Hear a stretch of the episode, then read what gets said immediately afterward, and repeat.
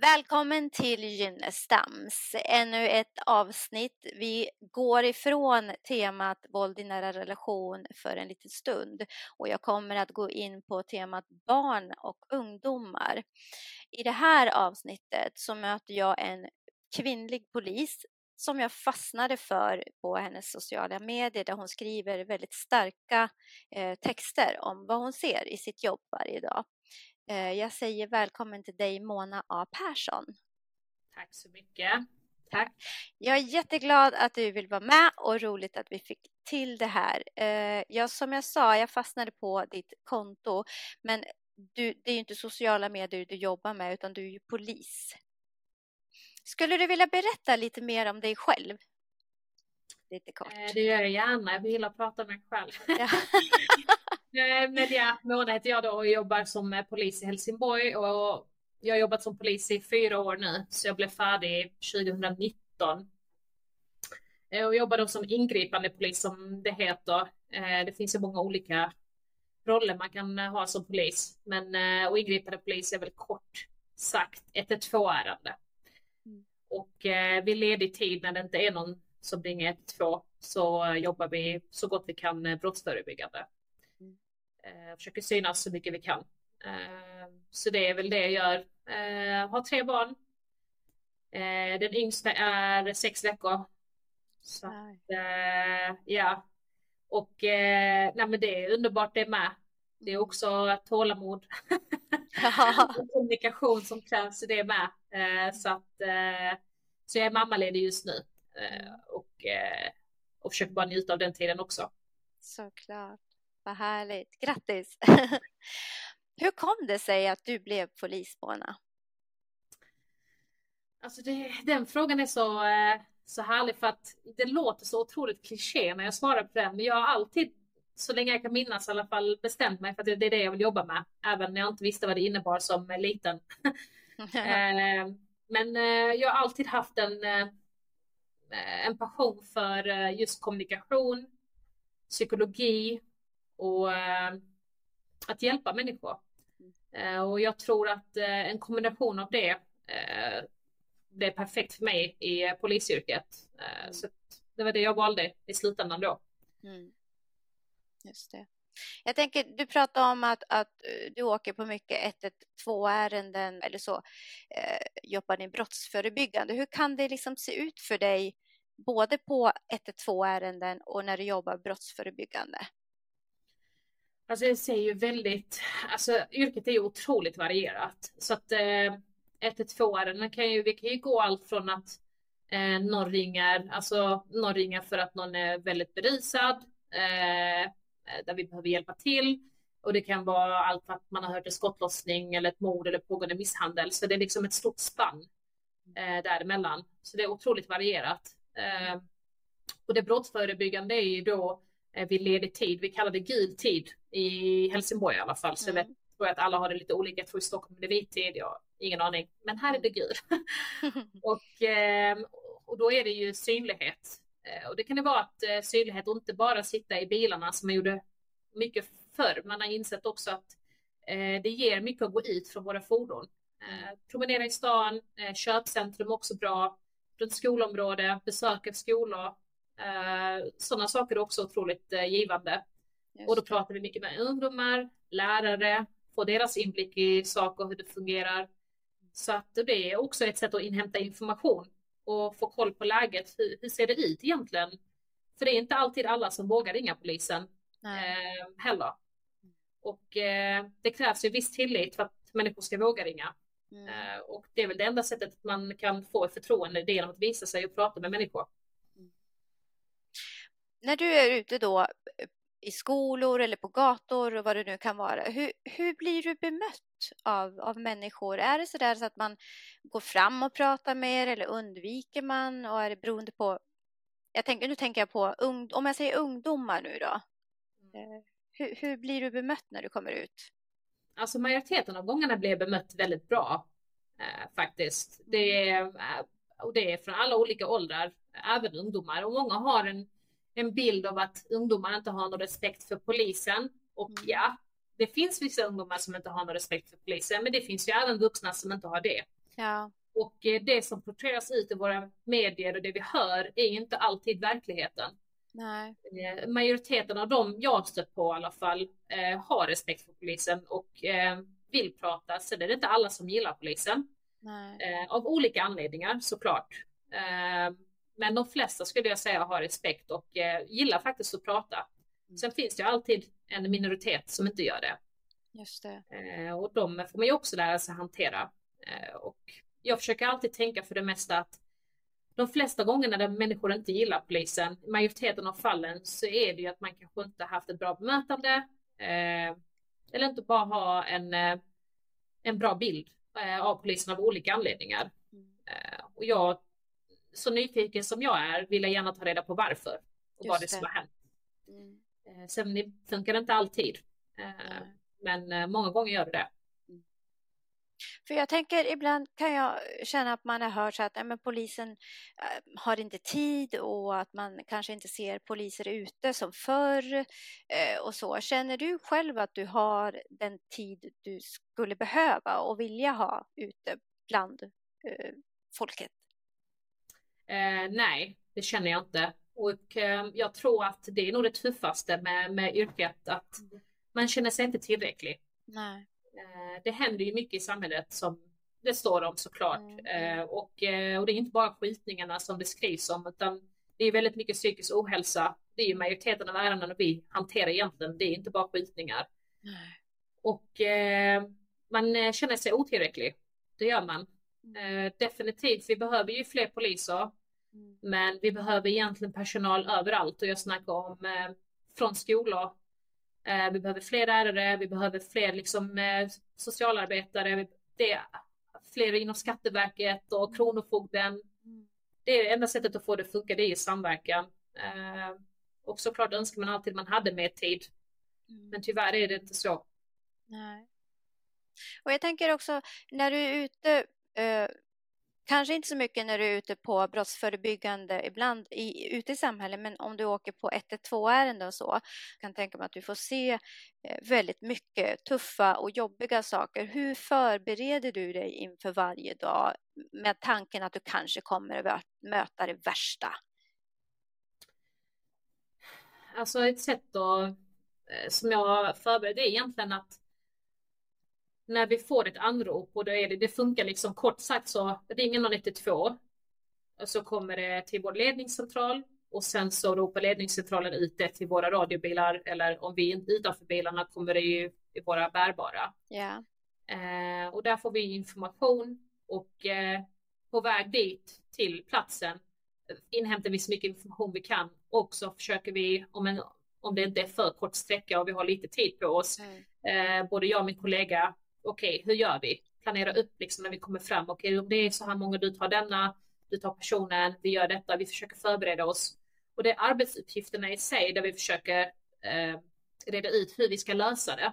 Mm. Eh, som gör att jag hinner nog inte tänka så mycket på att de här känslomässiga, att jag kommer vara rädd eller det här kan hända, utan adrenalinet är ju uppe och ja. eh, att vi har förberett oss lite på arbetsuppgifter, delat upp arbetsuppgifter, vad vi ska göra. Och mm. det är skönt i och för sig, för då koncentrerar man sig på det.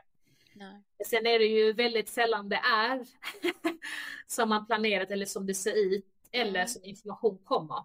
Mm. Eh, så att, eh, men åtminstone har man någon baktanke och det är ju alltid också nummer ett, det är ju alltid säkerheten och rädda livet. Liksom. Mm. Det är alltid prio ett.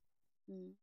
Men jag tänker på det du sa att du inte hinner tänka att du är rädd. Känner du ändå ibland att shit, jag är rädd, alltså nu är det liksom Ja, absolut. Eh, alltså, när man, för att man jobbar som polis så slutar man ju inte vara människa heller. Nej.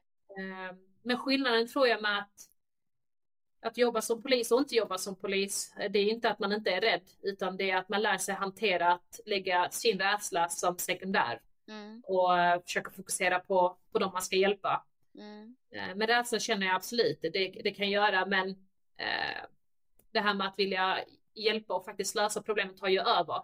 Mm. Men oftast kommer ju detta också efteråt. Mm. Kan ju komma efter vi har varit på ärendena kan man känna shit, vad, jag var, vad var jag precis med om? Och mm. förstå liksom hur illa det kunde ha blivit. Så att det, de kommer oftast mer efteråt, de här känslorna. Vad tror du att det är? Man tänker skillnad på dig och mig eller andra människor. Man känner att man vill hjälpa. Eh, för du riskerar ju ändå livet eh, till och från i ditt jobb. Jag, jag är ju lärare i, i, grund och botten och jag vill hjälpa barn och allt det, men jag skulle nog kanske inte vara ämnad för att bli polis och våga gå in i farliga situationer. Vad tror du att, vad tror du som, vad har du som andra inte har? Förstår du min fråga? Vad som krävs för att... Eh, jag tror skillnaden är inte alltså att jag, jag, jag, tror inte skillnaden är någonstans att jag är modigare än vad du är. Eh, att vara lärare krävs ju också ett extremt mod och tålamod. Mm. Eh, minst sagt också. Och det är också rädda liv och barns framtid. Jag skulle vilja säga nästan att läraryrket är viktigare än polisyrket. För löser man det så behöver nästan inte vi poliser finnas för, för barn. Så kan jag väl ändå tycka. Mm. Eh, men jag tror skillnaden är väl någonstans att jag drivs kanske också av lite mer sjukt nog adrenalinet kanske. Mm. Eh, skulle jag väl säga. Eh, och alla har väl olika sätt att se hur man hjälper människor. Mitt sätt att hjälpa människor det är kanske oftast att jag tänker att det är när de är i farliga situationer. Men eh, om jag hade varit lärare så är det inte säkert att jag hade varit mycket bättre än vad du hade varit i, i dina situationer heller. Ja. Eh, så att, eh, men jag skulle vilja säga adrenalinet och variationen som kommer med yrket också mm. eh, gillar jag. Och det, ibland kan jag tycka att det är lite dubbelmoral att jobba som polis. Eh, Ja, men jag, det är så att man älskar sitt yrke, jag tycker om det jag gör mm. eh, och jag vill, jag vill vara där det händer. Men jag mm. vill ju samtidigt inte att saker ska ske. Just det. Jag har ju ett yrke för att saker sker. Exakt. Att, ja. Mm. Mm. Eh, I den bästa världen så hade det ju inte behövt existera. Nej. När du får anrop, eh, jag tänker fokusera ju det här avsnittet på just barn eh, och ungdomar och när du då har tre barn själv och sen åker du iväg då kanske på anrop där du möter barn i missförhållande, kanske missbruk eller våld eller annan utsatthet. Reagerar du på ett sätt som Mona polis och ett annat som Mona mamma? Förstår du hur jag menar? Mm, jag förstår hur du menar.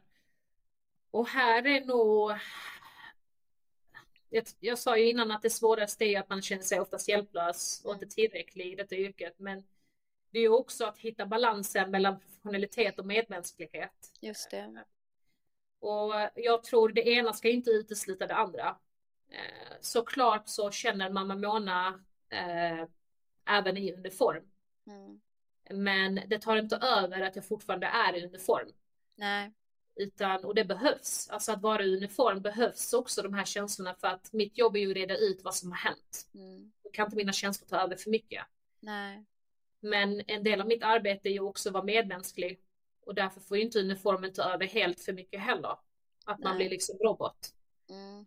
Eh, så det är väl den här balansen jag ständigt försöker hitta. Så mamma Mona finns ju med.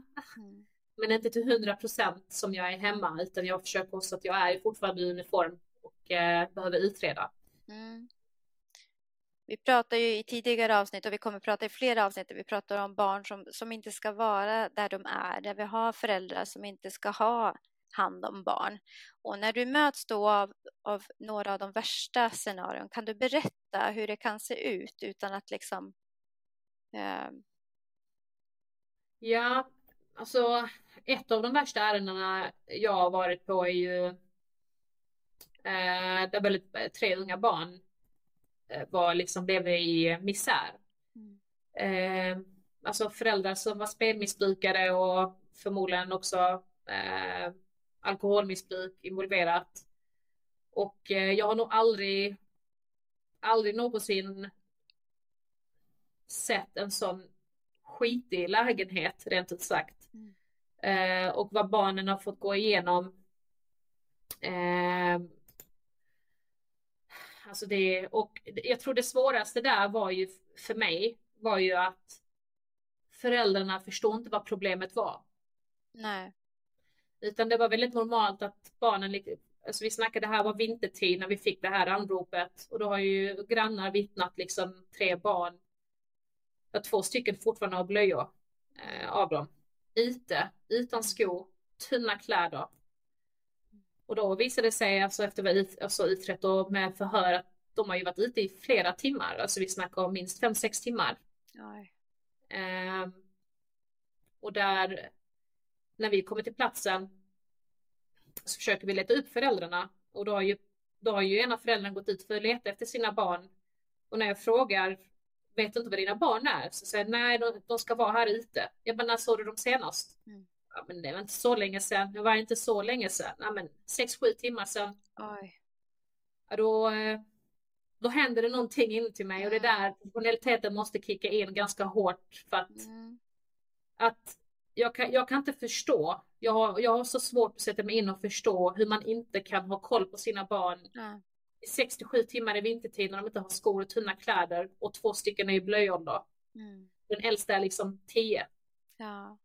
Eh, och ja, information vi fick där hur de har levt de senaste åren och jag tänker den här tioåringen speciellt, även om de var väldigt små, de andra i blöjålder, alltså i tio år har hon förmodligen, alltså förmodligen levt så här. Mm. Och vad, jag menar, hur har detta fallit mellan stolarna? Ja. Jag förstår inte. Nej. Och grannarna säger själva att de har ju bevittnat det här och gjort flera orosanmälan. Mm. Och ingenting i princip har hänt. Nej. Eh, alltså det, det är nog ett av de ärenden som jag måste säga att det tog väldigt, väldigt hårt. Jag, jag har väl varit, jag förstår att barn far illa till och att det händer mycket även i det här, i vårt land där det ska vara ett av de tryggaste länderna. Ja. Jag tror jag varit lite naiv och förstå hur dåligt vissa barn lever ja. i vårt land. Och, eh, och det här är någonstans som har kommit till vår kännedom. Mm. Då tänker jag så många som inte kommer till vår kännedom hur Just de det. lever. Ja. Och det gör ont att tänka så. Mm. Jag kan nästan bli lite jag kan nästan bli lite typ så galen av tanken att jag inte får reda på att få reda på att alla barn, hur de har det. Exakt. Och att det ja. inte kommer till vår kännedom. Mm. Eh, och det, det är väldigt, väldigt jobbigt. Det tog väldigt hårt. Mm. Men då undrar jag, när du kommer på ett sånt eh, anrop, eh, vad, vad, vad kan du göra och framförallt vad får du göra som polis i det läget? Alltså för jag tänker att man, jag har känt som lärare flera gånger, jag tar det här barnet och tar hem det. Alltså, jag vill rädda, för jag känner igen det där med anmälan och ingenting händer, eh, att det kan vara svårt och så. Men vad kan och får du göra som polis när du kommer dit? Ja, mitt jobb är ju dels att inhämta så mycket information jag bara kan. Så det är ju att hålla förhör med de som har ringt in vittnen. Eh, prata med föräldrarna. Mm. Och, eh, och i det här fallet så eh, ringde vi även social, eh, socialjouren. Mm. Eh, det, var, det, var ganska, det var liksom sent så att det var jouren som hade varit igång. Och då fick de eh, komma till platsen. Och då eh, ans ja, skulle de prata med barnen för att det var grannarna hade tagit in barnen i och med att de var ute i kylan och visste ja. liksom inte var, var föräldrarna var. Så de hade gett dem mat och dricka och det var inte första gången de var hos eh, grannarna och åt heller. Eh, och då får vi ringa dit socialjouren eh, och de kommer till platsen. Och då är ju vår då att informera vad vi har fått för information då att de har varit ute och de ser ju och då får de ju också ta en titt på barnen att hur lättklädda de är mitt liksom så här sent vintertid. Mm. Och eh, där är samspelet också vad vi, vad vi ska göra, vad socialtjänsten liksom ska göra näst och där skapades lite frustration för att eh, de ansåg ju att vi får skriva en orosanmälan. Eh, men där kommer jag och min kollega med förslaget att de kanske ska gå hem till föräldrarna och se hur det ser ut mm. i bostaden. För det kan ju också ge ganska mycket indikation och information på hur barnen har det. Ja. Ja, ja, men okej, det kan vi göra, tyckte de. Ja, det var en bra idé. Mm. Och då tog vi oss in i bostaden då. Eh, som såg förfärlig ut. Mm. Alltså det var knappt som man kunde vara. Jag fick gå ut, jag minns att vi fick turas om, jag och min kollega och även eh, de från socialjouren att gå ut och in från bostaden för att det luktade så otroligt vidrigt alltså. Mm. Alltså du kunde knappt vara där. Gud, och då bor ju tre barn i det här. Ja. Och då eh, var ju i alla fall vårt jobb att dokumentera allting vi såg, mm. eh, den misären de eh, levde i. Och eh, det vi gjorde även jag och min kollega eh, var att vi filmade i bostaden. Mm. Det, det, det är en sak att, att se bilder. Men det är en annan sak att filma. Och där vi, där jag, jag var den som filmade och jag pratade även Alltså vad det luktade och vad jag kände och hur det såg ut och flugorna som var runt omkring i bostaden. Bara för att liksom ge en sån så mycket känsla som det bara går för den som ska utreda detta senare och förstå nivån av misären barnen levde i. För att du kan inte bara dokumentera saker i skrift utan du behöver verkligen bild och du behöver video och inte ens det är tillräckligt oftast men men jag ville, vi ville göra det liksom så bra som möjligt. Eh, och eh, då var, var också då att vi pratade med social, socialtjänsten som kom dit. Och eh, för att liksom få ihop en samlad bild. Och vi hade inte riktigt... Eh, jag tyckte bilden var ganska tydlig om att de skulle omhändertas på mm. plats. Men den bilden delar vi inte riktigt från början. Okay. Uh, och det är ingen, alltså det, nu måste jag säga majoriteten av de som jobbar i socialtjänsten och så är ju ja. bra. Men sen finns det ju såklart inom alla yrken, även polisyrken, mm. finns det ju de som inte vill göra det där lilla mm. extra eller kanske inte riktigt orkar sitt jobb. Och tyvärr fick vi, fick vi det. Eh, en, av dem, en av dem speciellt, det var två stycken som var där och den ena var, ja, den gjorde mig riktigt förbannad i alla fall. Eh, det var lite så här, men jag slutar mitt pass snart och det är lite bråttom. Vi, ja, vi skickar in en orosanmälan så får vi ta det för att eh, jag slutar snart. Mitt svar var ju såklart, det skiter jag fullständigt ja. i. Eh, du har ett jobb att sköta. Och jag fick till slut, jag och min kollega fick ju övertala dem då till att och förklara varför barnen skulle omhändertas. Till sist gjorde de ju det. Och det mest frustrerande i det hela var ju att de hade redan bestämt sig, tror jag, att inte omhänderta barnen när de kom till platsen, mm. då de inte hade bilbarnstolar med sig. Mm. De hade inte, vi hade förklarat allting. Ja. Alltså det var barn i blöjålder, åldrarna, hur det såg ut, hur de var. De hade så, vi har ju med oss en insatsväska. Mm. Där vi är förberedda på någon, om det här ska ske så har vi det i väskan. Liksom, vi har med oss extra nallar om vi ska träffa barn. Ingenting Nej. var med. Och det skapar också en frustration hos mig och min kollega. Bara, har ni redan bestämt er för vad som ska ske? Men de omhändertogs på plats i alla fall. Tack och lov. Och då skrev vi i alla fall en orosanmälan, en ordentlig orosanmälan. Och eh, skrev även eh, två olika separata anmälan eh, i och med att vi fick information om eh, misshandel och lite annat. Så eh, det var i alla fall eh, vårt jobb och det vi kunde göra. Men sen är det ju överlämnas det till socialtjänsten gällande mm. barnen. Jag, jag, tänker, när du kommer på sådana anrop, nu, nu blev de omhändertagna och du fick liksom kämpa för det och sen, precis som du säger, i vissa fall funkar det, i vissa fall funkar det inte. Men kan du, de gånger när det inte blir som den där gången, att du kanske åker på ett, ett, ett anrop och det är misär och det är barn som mår dåligt och du måste åka därifrån eh, utan att det blir ett omhändertagande. Går du sen och funderar, hur går det för de där barnen och kan det hända att du får åka tillbaka till samma adress och det händer ingenting? Eller kan du liksom släppa det och, och... Jag skulle inte säga att jag, att jag släpper det eh, helt, utan eh, alltså, jag tänker att det, det berör alltid. Eh, sen finns det ju ärenden som är svårare att släppa än andra ju. Eh, ett ärende som egentligen var, alltså det var en jätteung, eh, ett ungt barn som hade stulit för typ 20 kronor eller någonting. Mm. Eh, föräldrarna vill inte komma till platsen överhuvudtaget, för det försöker vi alltid utmana dem, för vi vill gärna inte sätta in dem i polisbilen om de är under 15. Nej. Det känns ju mer liksom humant om föräldern kommer till platsen och vi kan prata mm. där. Eh, socialtjänsten vill inte komma överhuvudtaget heller. Eh, vi höll på timmar att försöka övertala någon vuxen till att komma ta hand om det här barnet. Eh, men ingen ville komma till platsen. Och föräldern eh, sa väldigt tydligt att eh, nej, men skäller man så ska man inte komma hem och vill inte ha någonting med barnet att göra. Och det sa ju föräldern upprepade mm. gånger. Och det kändes, det kändes jobbigt att jag ska behöva övertala föräldrar till varför man ska ta hand om sina barn. Ja. Men det slutade i alla fall till slut med att vi ändå fick köra hem barnet till föräldern. Och föräldern gjorde det väldigt tydligt eh, för barnet på platsen att eh, varför de inte var värda så mycket.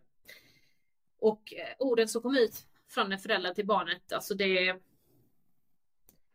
ja, alltså kunde uttrycka att barnet var värdelöst.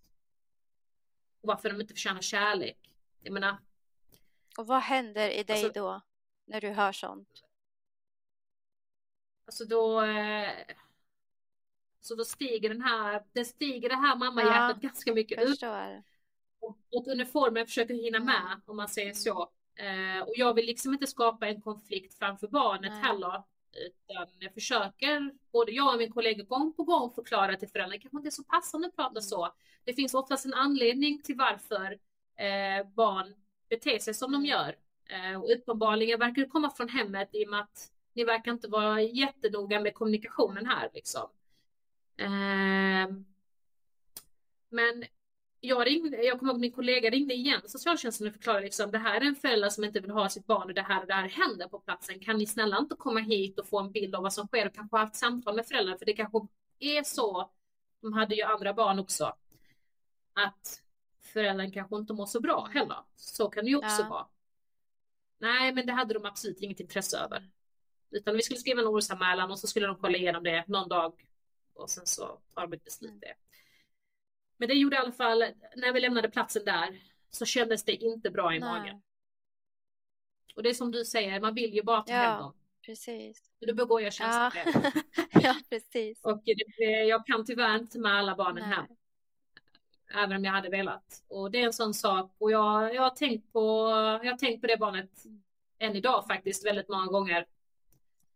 Att, eh, Men får ni ja. någon slags liksom, uppföljningsrapport eller vad jag ska säga i vissa fall så där att, att ni får veta för att jag kan tänka mig att man som du säger går och undrar hur gick det egentligen och hur är det egentligen med, med, om man har fastnat för vissa.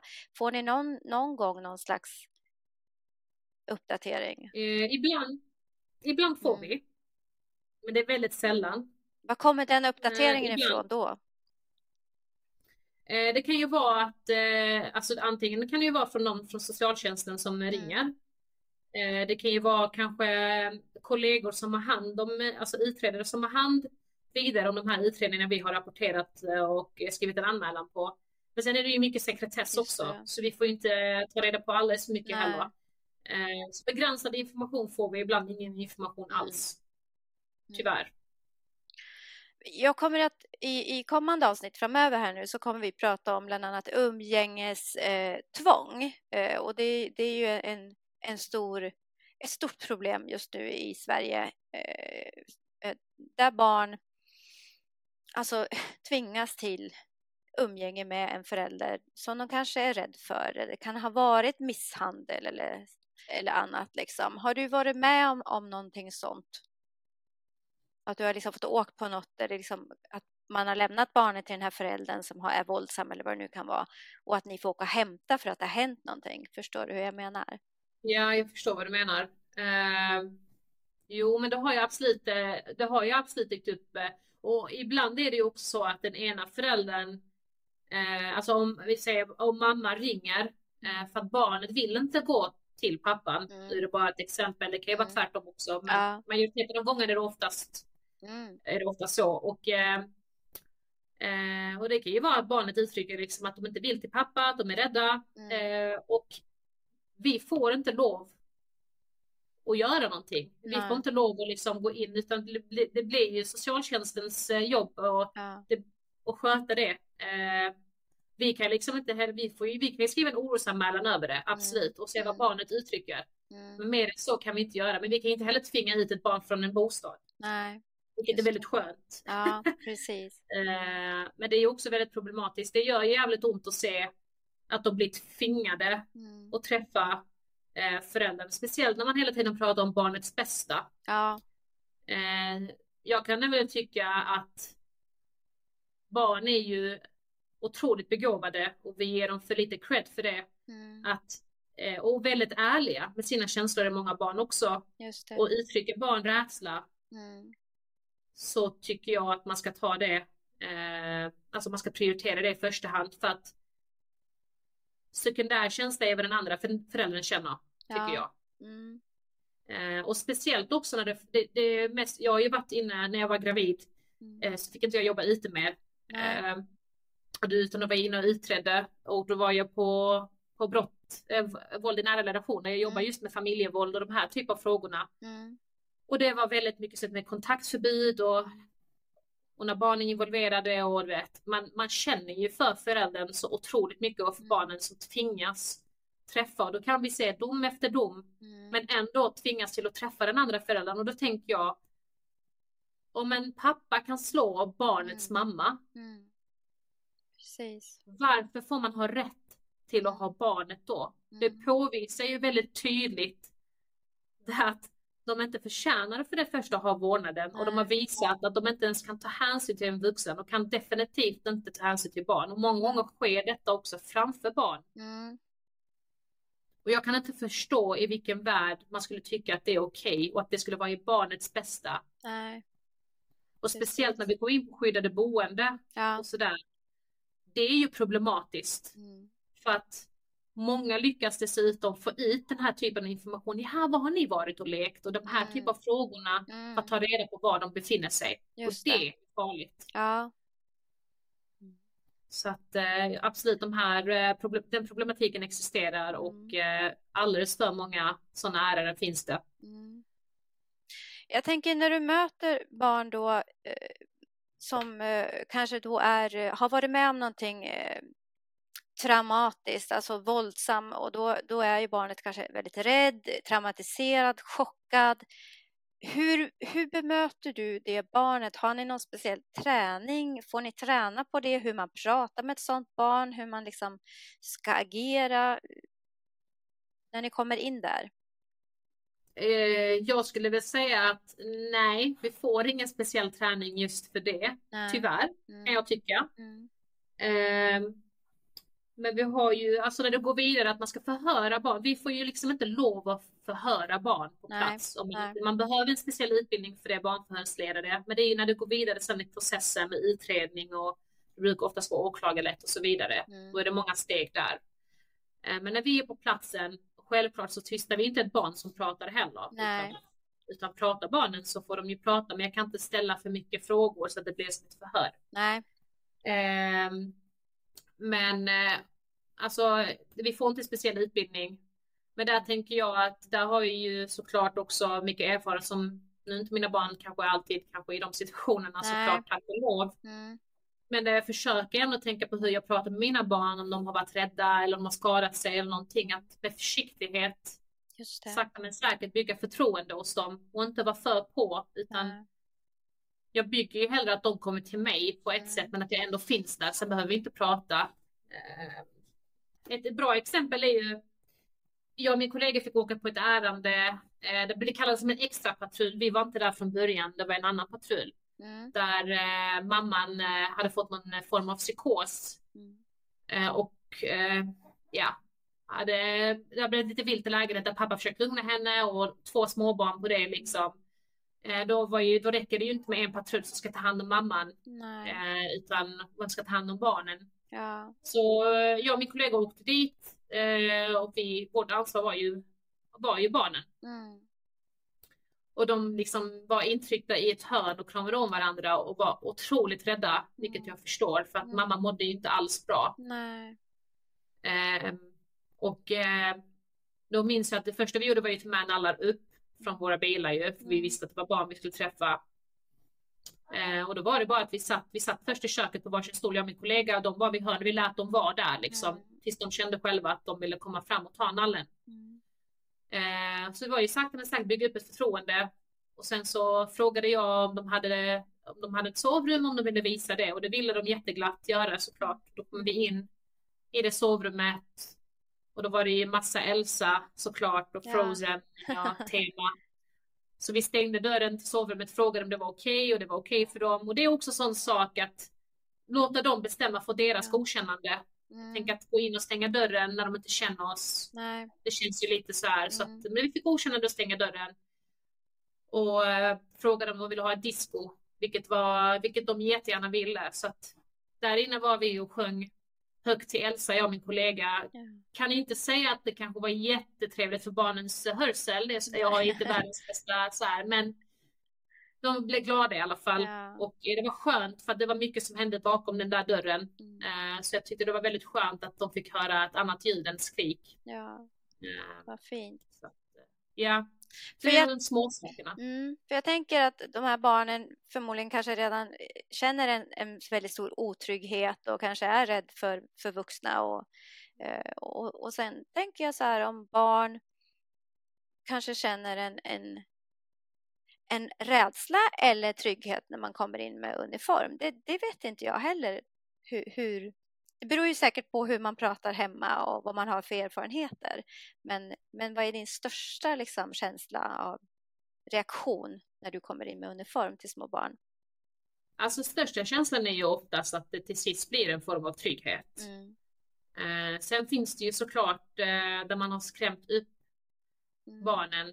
Det har vi också sett väldigt mycket att polisen tar er om ni berättar ja, polis, polisen tar. Och det är klart att även om man som barn lever inom eh, i misär så är ju oftast ändå föräldern den tryggaste punkten. Mm. Eh, det är ju så ju. Det är mamma och pappa när de är så små.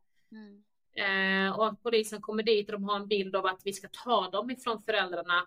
Eh, det, det märker man också skapar en enorm alltså otrygghet när vi kommer in. Men där är ju återigen, alltså tålamod mm. eh, från vår sida eh, och inte försöka övertala liksom att eh, någonstans med att vi vet bäst för er. Nej. Utan jag tror bara någonstans där, där är det, känner jag att då kommer liksom med det medmänskliga och det polisiära uniformen får gå ner lite. Hej, mm. typ en Mona, uniform, polis. Mm. Utan då går man liksom ner och bara blir mer ödmjuk. Mm. Eh, mammarollen tar över lite mer där. Mm. Fortfarande uniformen ändå lite med mamma. Mm. Eh, och försöker prata liksom som jag pratar med mina barn. Just det. Fråga vad de brukar göra och vad de tycker är gott att äta. Och eh, någon speciell musik de lyssnar på. Och, eh, mm. så det är väl det man försöker göra så gott man kan. Mm. Vi ska snart gå på en kort paus, men jag tänkte ställa en sista fråga där. När du har varit ute på, på jobb och sett kanske tuffa saker när det gäller små barn som far illa, som situationer du har berättat om nu. När du kommer hem då och får krama dina egna barn, vad är det som går igenom dina tankar och känslor då? Hur lyckligt lottade vi, vi är som familj. Mm. Att eh, alla har inte det så här bra som vi har det. Mm. Och en, någonstans en glädje över att mina barn lever tryggt och att jag också lever i ett bra förhållande. Mm. Det är inte heller otrygg som kvinna och vara med min man bland mina barn. Eh, det är väl en tacksamhet och också en sorg över att alla inte kan ha det så som vi har det. Mm. Så att det är två känslor där i, i ett. Mm. Eh, men det är också det som motiverar mig till att inte sluta göra Just det jag gör. Att man tänker att någonstans det vi ser måste till slut vara att man bara, jag orkar inte mer. Mm. Eh, men någon måste orka. Ja. Och jag känner om jag är privilegierad till att ha det så himla bra så åtminstone det minsta jag kan göra i vårt samhälle är att försöka hjälpa de som inte har det så bra som mig. Just det. Så att eh, det, det är så jag försöker resonera i alla fall. Mm. Jättefint. Vi ska ta en paus och vi är strax tillbaka.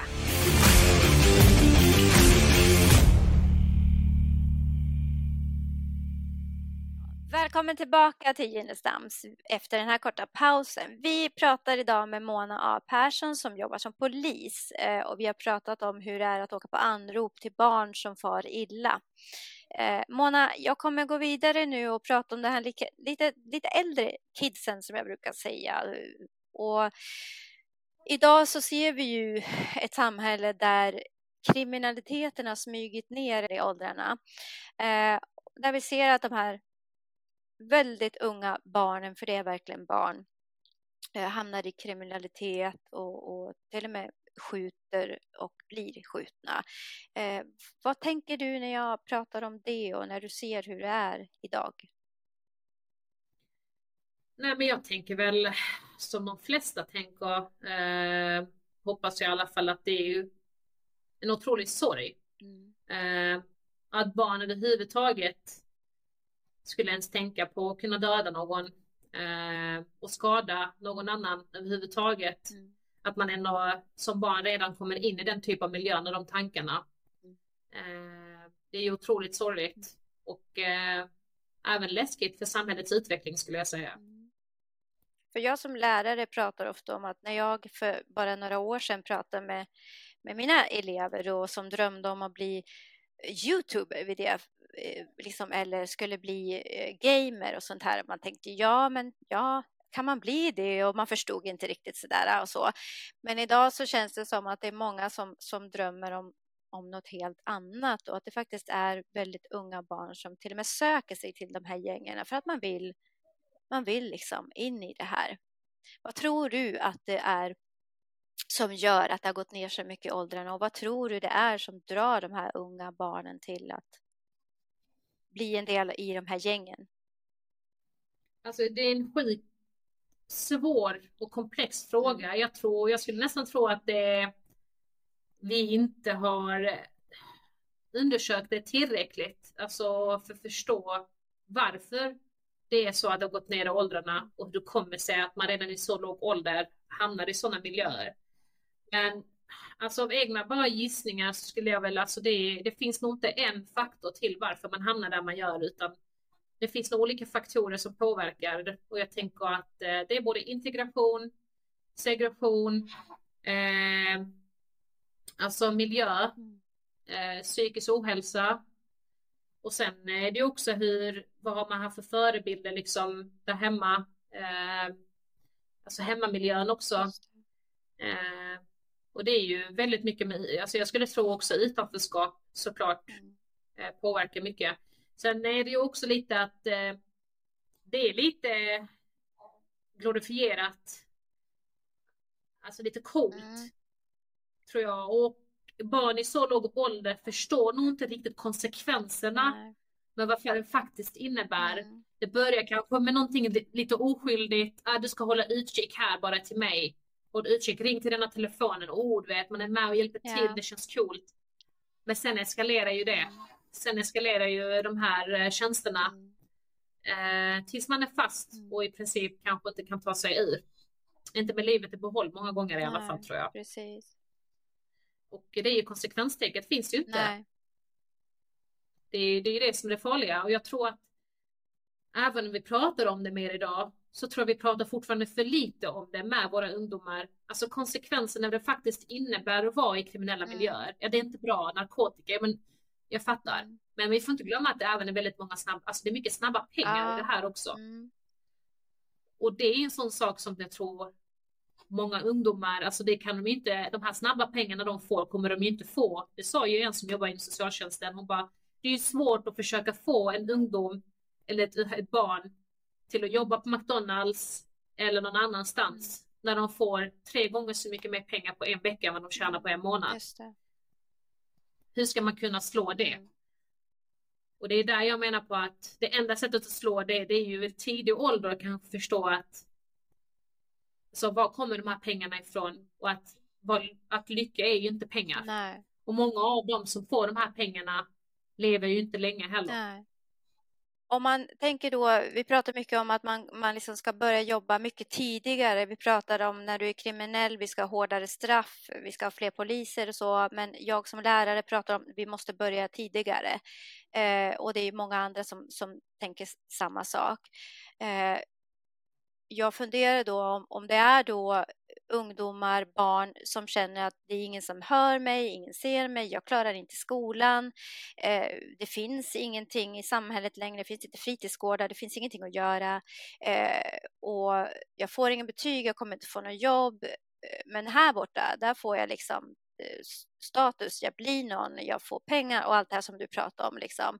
Eh, hur tror du att man ska göra för att hitta de här tidigare? Alltså jag, jag tror att eh, man ska lyssna på de som jobbar med barn. Mm. Alltså jag, jag tänker när beslut tas på en hög nivå, politisk nivå, så är inte det deras, så är det inte verkligheten alltid. Nej. De pratar om saker, nu menar jag inte att vi inte ska ha politiker och sånt, men jag menar när beslut ska tas i en politisk nivå som kommer påverka samhället och alla som jobbar med det. Det minsta man kan göra är kanske ta del av information och kanske höra de som jobbar med det. Mm. Så jag snackar om man ska ta reda på hur vi ska hjälpa barn på bästa sätt. Om man tänker att låsa in barn vid 13-årsåldern som jag pratar om nu och fängsla dem. Att det skulle vara ett bra beslut att ta. Och att det skulle göra någon form av nytta i samhället. Är så ologiskt för mig om man inte pratar med människor som faktiskt jobbar med barn. Som kanske förstår vad, hur man ska jobba med dem och vad problematiken egentligen är och varför de hamnar där de gör. Mm.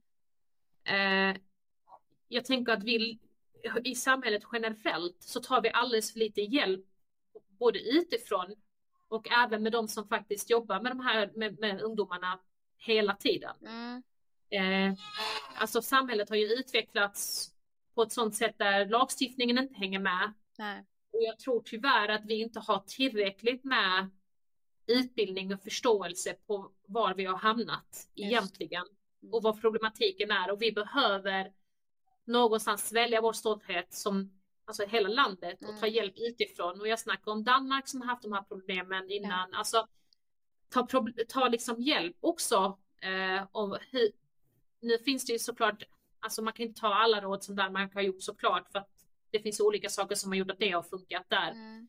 Men åtminstone försöka, försöka. Vi kan Mm. inte stå stilla och göra samma sak hela tiden och tänka att någon gång kommer det reda ut sig.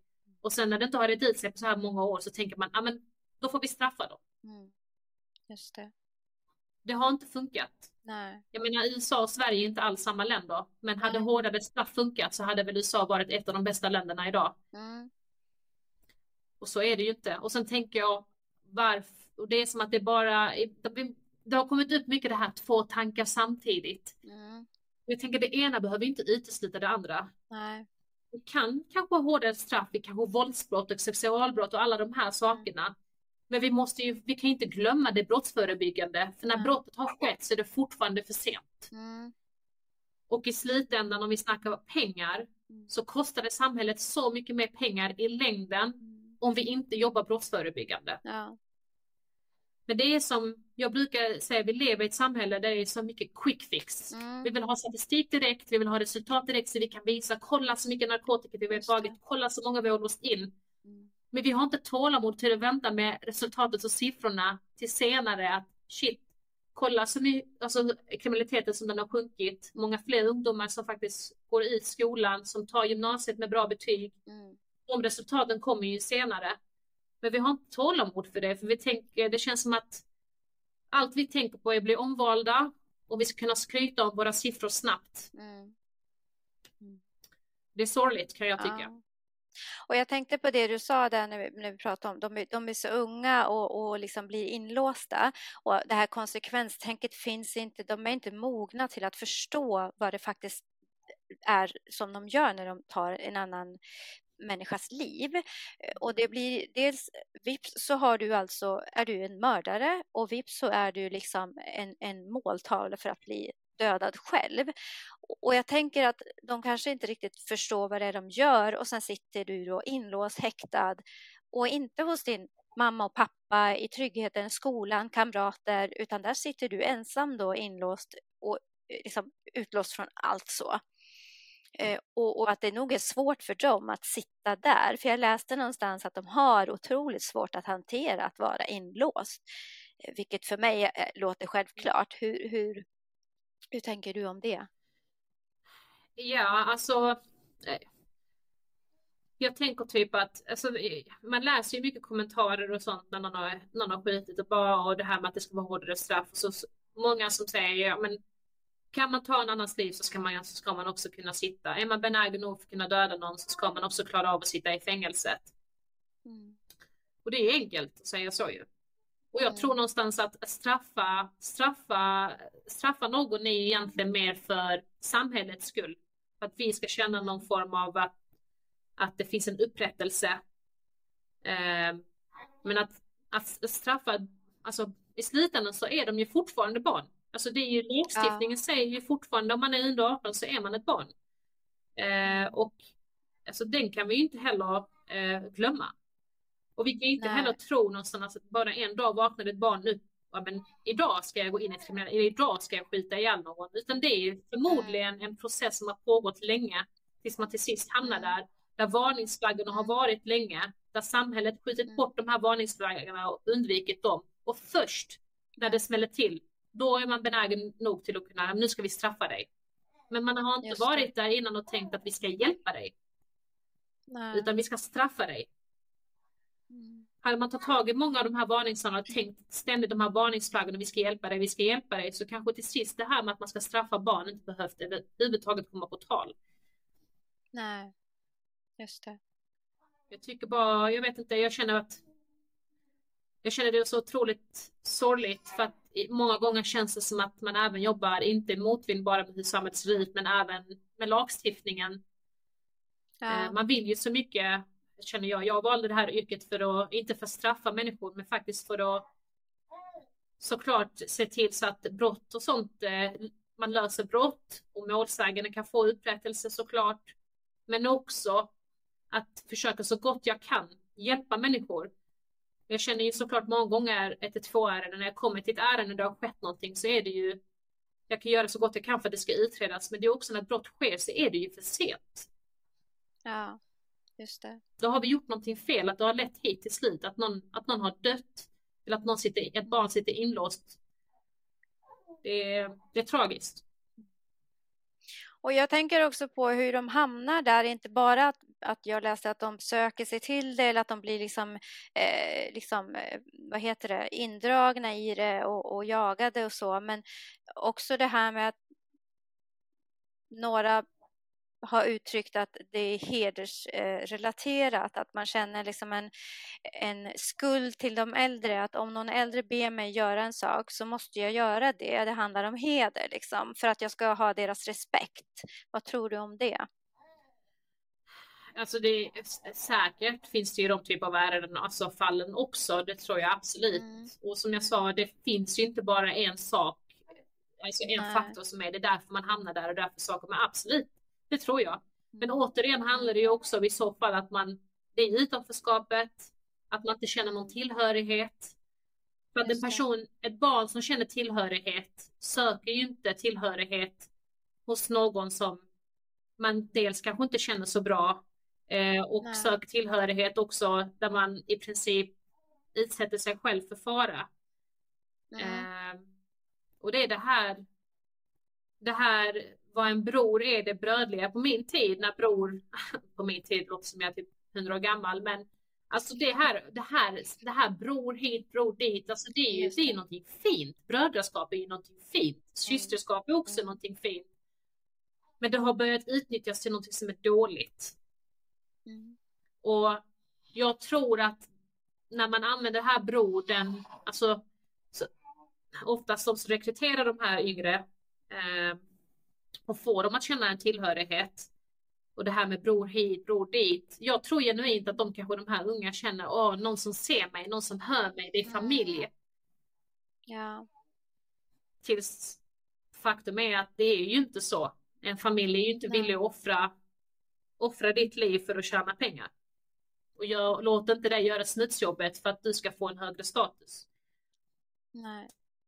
Så att, eh, nej, jag, jag, jag, jag, tycker också det, det är så bisarrt hur, hur de kriminella är bättre på att rekrytera in barn till kriminalitet mm. än vad vi som samhälle är och rekrytera in barn till någonting bra i samhället.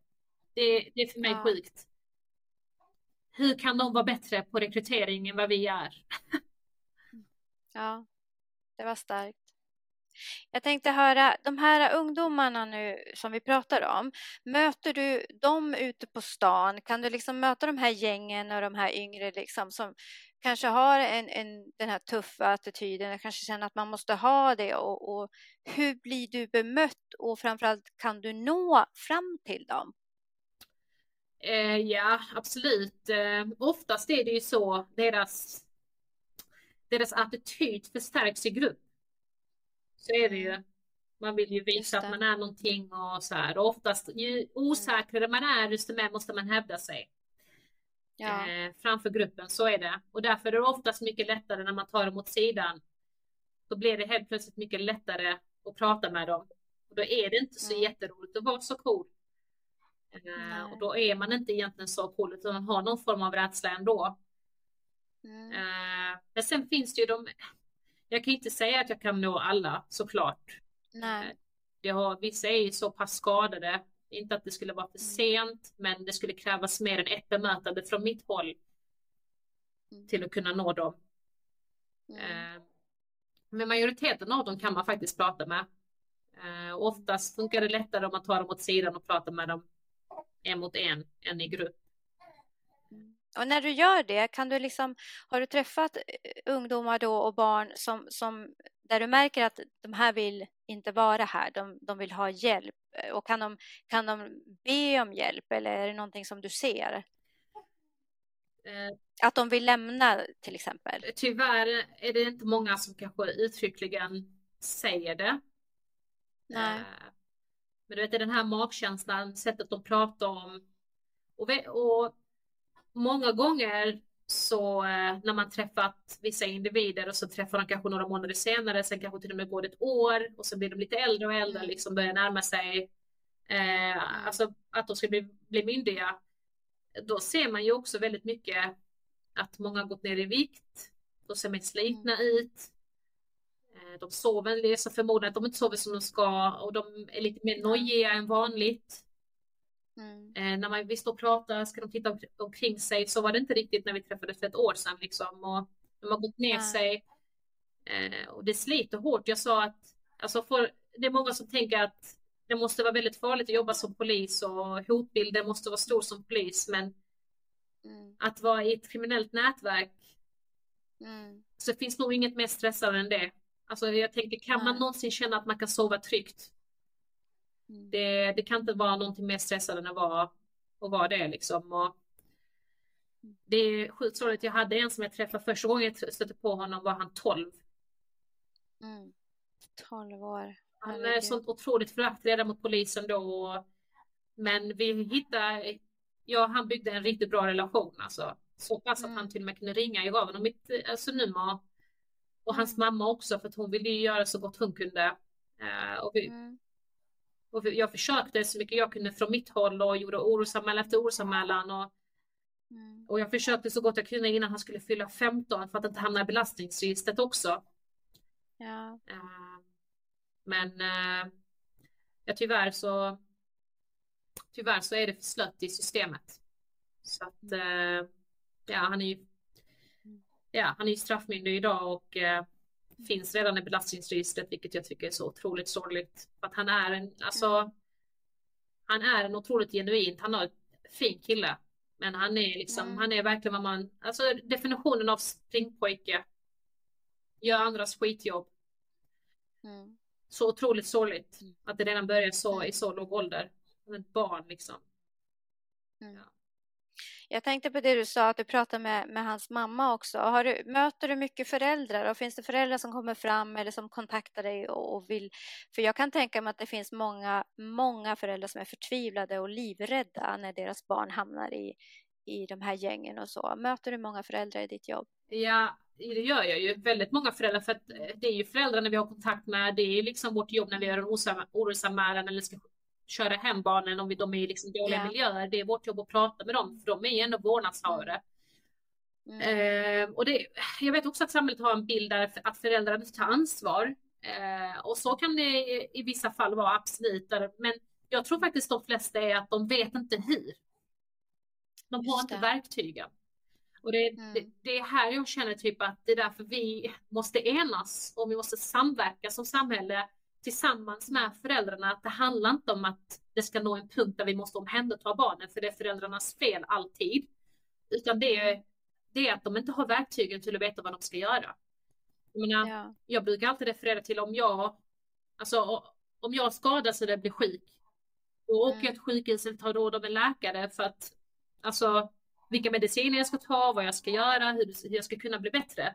Det kan ju inte, om jag är så pass sjuk även mycket kärlek jag än får här hemma så behöver jag ju faktiskt till sist vård.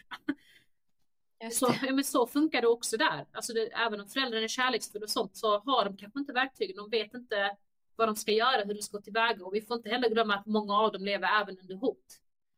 Just det. Mm. Så att det är otroligt komplext när det bara vara en bra förälder. Utan det är många som jag tror verkligen vill, men har inte verktygen för det. Nej. Jag tänker på det du säger och det är där vi landar hela tiden med, med de flesta jag pratar med, det med samverkan, att vi behöver liksom samverka alla instanser. Liksom. Vad tror du, eh, var tror du vi liksom måste börja och på vilket sätt tror du vi kan bli bättre eh, att samverka? Oh, det är en, eh, en väldigt eh, så, miljonfrågan där, om vi hade kunnat lösa det. Men jag tror redan att inte våga, att våga börja redan i tidig ålder. Mm. Alltså att faktiskt lyssna på de här orden redan kanske i förskolenivå. Om, man, om lärare där börjar märka liksom att, eh, att barn börjar förändras eller ha ett, bete ett annat beteende än vad de brukar ha eller märker liksom alltså de här röda flaggorna, att inte blunda för dem och inte liksom våga, att inte våga trampa en förälder på tårna. Eh, utan att faktiskt eh, våga ta tag i det och prata eh, tillsammans med socialtjänsten. Många har ju en bild av att socialtjänsten, om man är i kontakt med dem så är det för att de ska ta barnen.